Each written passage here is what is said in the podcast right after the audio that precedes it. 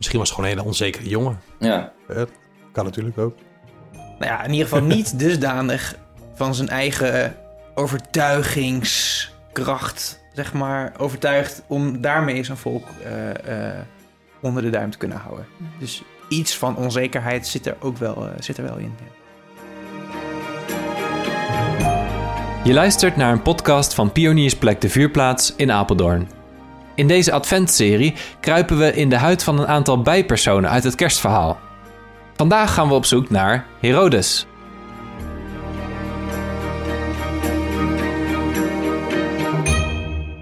Ja, hallo allemaal weer. We zitten hier eh, weer met z'n vieren aan de keukentafel bij mij thuis. Eh, ik ben Albert en ik zit hier met Leonie, Jeroen en Willem. Hoi. Hallo allemaal. Hey Albert. Jullie zijn eh, vorige keer eigenlijk al voorgesteld, dus iedereen zou moeten weten wie jullie zijn. Daar ga ik gewoon vanuit. En anders luister aflevering 1. Eh, ehm, vandaag staat in het zonnetje Herodes. Eh, en Willem, jij bent op zoek gegaan naar Herodes. Hoe was dat? Nou, zoals we zo meteen wat meer gaan horen, is Herodes niet zo'n heel fijn figuur. Dus op zoek gaan naar. ehm, ja, Jozef was ook een lastig persoon, maar daar zat iets positiefs in. En iemand die heel erg, eh, nou ja, trouw was. Ja, Herodes is gewoon een eh, vuile kindermoordenaar. en nou ja, om dan daarover na te denken over wat zo iemand beweegt, vond ik toch best wel, eh, best wel een uitdaging. Ja, nou, dat kan ik me heel goed voorstellen. We hebben ook weer een kleine uitleg over Herodes, om eens even kennis te maken met hem. Laten we daar naar luisteren.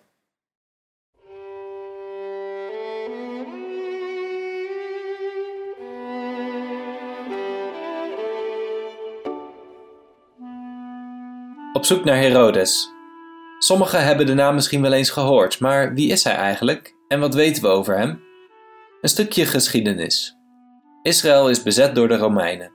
En Herodes is namens de Romeinen de koning van Judea, een gebied in Israël. We komen Herodes tegen in de Bijbel als de geboorte van Jezus wordt aangekondigd. Laten we een stukje uit de Bijbel lezen. Toen Jezus geboren was in Bethlehem in Judea, tijdens de regering van Herodes, kwamen er magiërs uit het oosten in Jeruzalem aan. Ze vroegen aan de mensen in Jeruzalem: Waar is de pasgeboren koning van de Joden? Wij hebben namelijk zijn ster zien opgaan en zijn gekomen om hem eer te bewijzen. Koning Herodes schrok hevig toen hij dit hoorde, en heel Jeruzalem met hem. Hij riep alle hoge priesters en schriftgeleerden van het volk samen om aan hen te vragen waar de Messias geboren zou worden. Ze vertelden Herodes dat het kind geboren zal worden in Bethlehem. Herodes stuurt magiërs, ook wel wijzen genoemd, om het kind te zoeken. Het is duidelijk dat Herodes kwade plannen heeft. De magiërs gaan op zoek en een ster wijst hen de weg. Aangekomen in Bethlehem vinden ze het kind. En dan lezen ze in de Bijbel. Ze, dat zijn de magiërs, gingen het huis binnen en vonden het kind met Maria, zijn moeder. Ze wierpen zich neer om het eer te bewijzen. Daarna openden ze hun kistjes met kostbaarheden en boden het kind geschenken aan: goud en wierook en mirre. Nadat ze in een droom waren gewaarschuwd om niet naar Herodes terug te gaan, reisden ze via een andere route terug naar hun land. Vorige week heb je gehoord dat Jozef dan een droom krijgt om te vluchten. Jozef, Maria en Jezus vluchten naar Egypte en gaan pas terug naar huis als Herodes is overleden. Als Herodes doorheeft dat hij misleid is door de magiërs, wordt hij zo kwaad dat hij opdracht geeft om alle jongetjes van twee jaar en jonger in de omgeving van Bethlehem te vermoorden.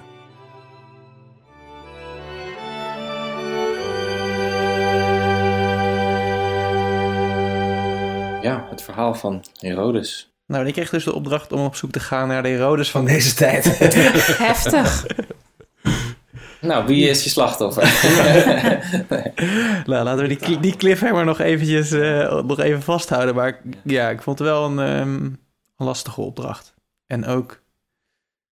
ehm, ja, je reflex is dan ook wel van... God, nou, ik ben wel benieuwd wie die Herodes is. Eh, we lezen in dit stuk dat het een beetje een... Nou ja, een beetje een, een boel verkeerd persoon is, zeg maar. Eh, maar zit er dan ook iets positiefs in hem? Heeft hij ook goede dingen gedaan? Dus ik heb... een beetje lopen googlen en kijken van wat weten we nog meer over die Herodes. En het is niet zo best. Want hij moordde ook andere mensen. Eigenlijk iedereen die tegen hem was, die, eh, die, die moordde die ook uit. Ja. Eh, eigen zoons over de kling gejaagd. Dus ja, ehm, Ja. Geen pretje dus. nee.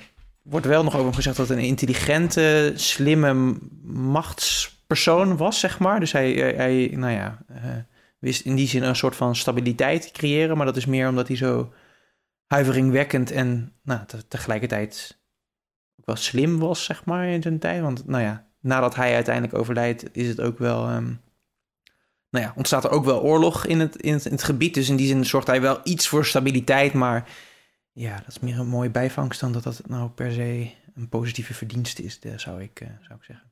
Ja, precies. Het is wel bijzonder dat hij zich eh, eigenlijk bedreigd voelt door een baby, hè? Een, eh, een koningskind wat geboren zou worden. Ja, blijkbaar had hij daar wel, ja, geloofde hij daar wel in. Hè? Want hij was toch eh, blijkbaar heel angstig toen hij het hoorde. Ja, dat is wel bijzonder, ja. Kennelijk alles wat enigszins zijn machtspositie zou kunnen verzwakken, dat, moet, dat roeide hij gewoon uit. Inclusief kennelijk zijn eigen zoons. Nou, Wat ik me ook wel afvraag. Heb je iets terug kunnen lezen over die wijzen? Hoe kwamen zij erachter? Zij zijn niet teruggegaan naar Herodes eh, nadat ze bij Jozef, Maria en Jezus op bezoek zijn gekomen. mhm. Is dat ook door een droom geweest of zo? Dat zij wisten van hé, we moeten niet terug naar die enge man. En kijken we toch een beetje naar onze stagiair dominee. ja. Nou, ik, ik lees even voor uit eigen werk, hè? want we- nou is het niet eigen werk, maar uit ons script. Nee, dat, ja, nee, dat klopt. Ze, ze waren gewaarschuwd eh, hè, in een. eh, eh, ja, ze waren gewaarschuwd. Eh, en of dat, ja, dat is een goede vraag of dat in een droom is, hè, of weer door de engel, hè? Dat, dat weet ik niet. Nee, ja, nee. maar dat viel me namelijk op. Ja, ja, die wijzen of die magiërs, die weten, weten Herodes wel om de tuin te leiden, zeg maar. Dat, eh, ehm, En hoe lang heeft Herodes nog geleefd eigenlijk sinds dat Jezus er was? volgens mij niet zo heel lang. Ik, ik weet niet uit mijn hoofd, maar een jaartje of vier of zo. Oké. Maar dat weet ik niet helemaal, eh, niet helemaal zeker. Waren er nog momenten waarop je dacht van, oh, het is toch wel een aardige gast? Of eh, was het gewoon puur en alleen, eh, ja, onheil? Nou, wat wel, en dat is misschien ook wel een beetje waar die angst vandaan komt en deze, zeg maar, die paniek om dan al alle kids van twee en jonger, zeg maar, uit te moorden. Het is niet een soort van, hij was niet de eindbaas, hè? hij was een soort van verzalkoning, dus hij was de ondergeschikte van de Romeinen, dus hij was maar een deel, nou ja, ik, ik vergelijk het een beetje met, eh, zeg maar, Sijs Inkwart tijdens de Tweede Wereldoorlog in Nederland, zeg maar. Dus het is niet de machtige Hitler, maar het is de plaatsvervanger in, het, in een specifiek gebied. Dus hij heeft ook wel te maken met een machtsstructuur waarin hij ook moet omgaan met mensen die machtiger zijn dan hem. En ik denk dat daar ook wel vanuit die positie veel van zijn eh, gruweldaden ook wel voortkomen. Maar dat zegt dan dus ook iets over de Romeinen. Dat was dus helemaal niet zo'n pretje om in dat volk te leven. Nee, het is natuurlijk wel gewoon een, een, een Bezetter. Een, bezetter, Ja. ja, natuurlijk, ja. Dus veel eh, kommer en kwel. Ja, best wel. Zelfs het eh, moderne Google kon eh, geen sprankje hoop vinden. Nou, dat is wel jammer, inderdaad, ja. misschien was het gewoon een hele onzekere jongen. Ja, Hè, kan natuurlijk ook. Nou ja, in ieder geval niet dusdanig van zijn eigen overtuigingskracht, zeg maar, overtuigd om daarmee zijn volk eh, eh, onder de duim te kunnen houden. Dus iets van onzekerheid zit er ook wel, eh, zit er wel in. Ja. We kijken iedere aflevering ook iets eh, verder dan alleen het verhaal. eh, namelijk ook naar muziek. Eh, heb je ook iets gevonden wat past bij Herodes? ja, en dan stel ik voor dat we er eerst naar gaan luisteren en dan Oké. ga ik er dan iets over zeggen. Doen we dat? Majesteit, ik heb de pen te hand genomen. Ik wil per brief gewoon eens even met u bomen. In mijn leven is van alles misgegaan. Hier is het verhaal van een armzalig onderdaan. Een tijdje terug nam mijn man opeens de kuiten. En na mijn alimentatie ken ik fluiten. Ik heb daar recht op, maar ik vraag daar nooit meer naar. Want dan komt hij langs en ramt hij alles in elkaar. Dus Beatrix, dan moet ik best aan trekken. Dat is genoeg om net niet te verrekken. Ik heb een dochter en een tweeling Rick en Rob. Ik sluit een foto bij in deze envelop. Harry Jekkes, als ik het goed heb gehoord. Nou, dat viel wel meteen op. Ja. Ja, ehm, en even los van het onderwerp van het liedje, is het een, eh, een protestliedje ehm, tegen het beleid. ehm, Mhm. ook van Lubbers eh, destijds, maar ook eh, eh, nou ja, tegen de, de koningin. Ehm, en ehm, eh, ik moest er vooral aan denken dat ik dacht van ja, wel, welk liedje zou nou echt onder de huid zitten van Herodes? Wat zou, wat zou die nou echt slecht trekken? Waarmee zou je nou zo'n enorm... Ja, hij had gewoon enorm veel macht en je leeft in die tijd en je dacht ja, ik wil iets aan doen. In opstand komen is echt geen optie eigenlijk. Ehm, maar dan denk ik dat humor en een beetje zo sarre ja. ja, daarmee krijg je denk ik zo, zo'n type Herodes, eh, krijg je gek. En ik dacht, ja, dat vond, ik- dat, dat- vandaar dat ik dacht, daarom, daarom moest ik aan een, eh, aan een geinig protestliedje denken. Ik denk wel ook dat je levensverwachting enorm eh, kort wordt als je zo'n liedje hebt gezongen voor hem. Maar, maar het is inderdaad wel, ja, eh, ik denk dat dat wel een, een wapen zou kunnen zijn te- tegen zo iemand inderdaad, ja. ja. Nou ja, het is natuurlijk ook wel, denk ik, wat vaker gebeurt in posities waarin mensen onderdrukt worden, zeg maar. Dat soort van humor en liedjes. ehm nee, ook over Zijs Inkwart, die ik straks noemde, daar waren ook tijdens de oorlog waren daar ook liedjes over van mensen die dan ook op dat soort manieren proberen om te gaan met zo'n situatie, met een onderdrukker en onveiligheid. En dan, ja, je leven misschien niet altijd zeker, maar ik denk wel, en ook als je misschien naar deze tijd, naar mensen die, waar je het oneens bent, die veel macht hebben. ehm, dat is niet zo heftig dat ze je best meteen gaan uitmoorden, maar hoe kun je nou met dat soort stromen en dat soort kwade krachten omgaan? En ik denk dat ik vind dan humor wel een, eh, een eh, fijne manier. Verhoogt denk ik ook heel erg het saamhorigheidsgevoel van alle mensen. Van we, zitten, we zitten niet alleen in de put, maar met z'n allen. Dat, dat is toch fijner. Nou ja, en dat verzacht. ja. Nou, misschien is het ooit wel een protestlied geweest, die tijd, hè? Ja. ja, Dat weten we niet. Maar... Goede spotprint. ja. Mooi. Ehm, dankjewel voor je, voor je muziekkeuze. Een hele leuke. Ehm, maar ja, we eindigen natuurlijk met de vraag wie in deze tijd een Herodes is. En ja, die, ja, als je iemand gevonden hebt, die komt er niet heel goed vanaf.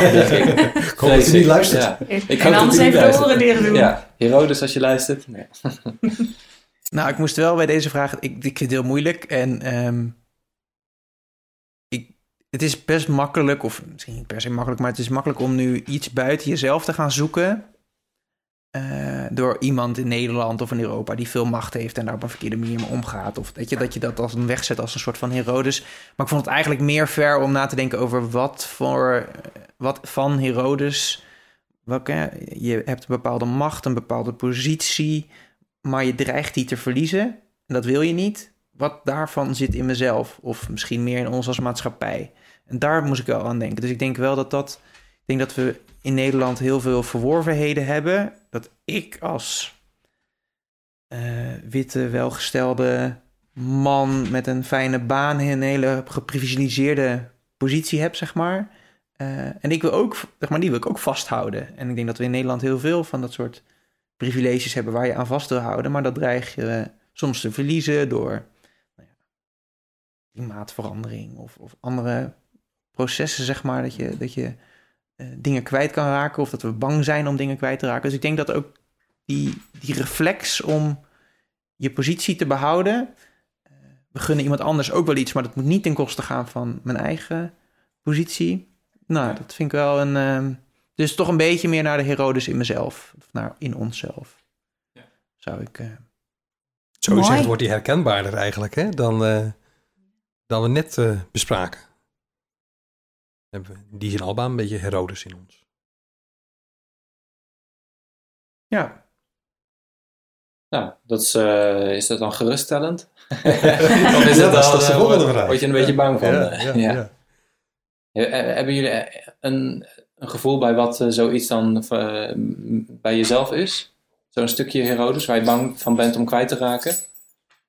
Wat hou je heel graag vast? Ja, maar ik vind het wel herkenbaar, denk ik, wat Willem zegt. Hè? Dat je Ja, daar denk je, hier denk je natuurlijk niet zoveel over na, behalve als je over Herodes na moet denken. Hè? En waar herken je een Herodes nog in?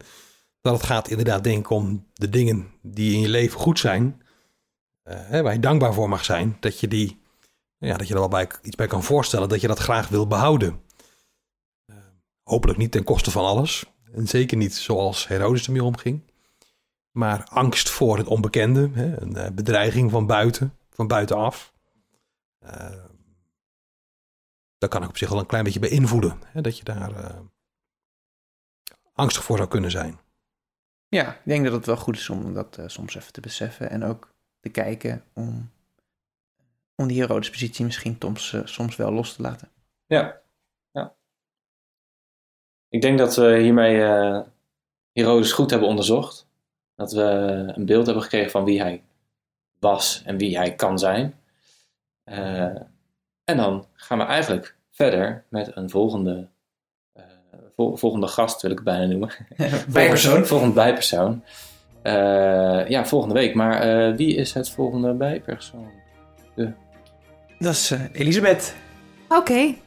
dat gaan we doen dus. Ah, okay. Tot volgende week. Succes uh, Leonie met de voorbereiding. Ja, ga je even voorbereiden Leonie. Yes. Jee. Dit was een podcast van Pioniersplek De Vuurplaats in Apeldoorn. Meer weten over ons? Check devuurplaatsapeldoorn.nl of check de show notes. Tot de volgende!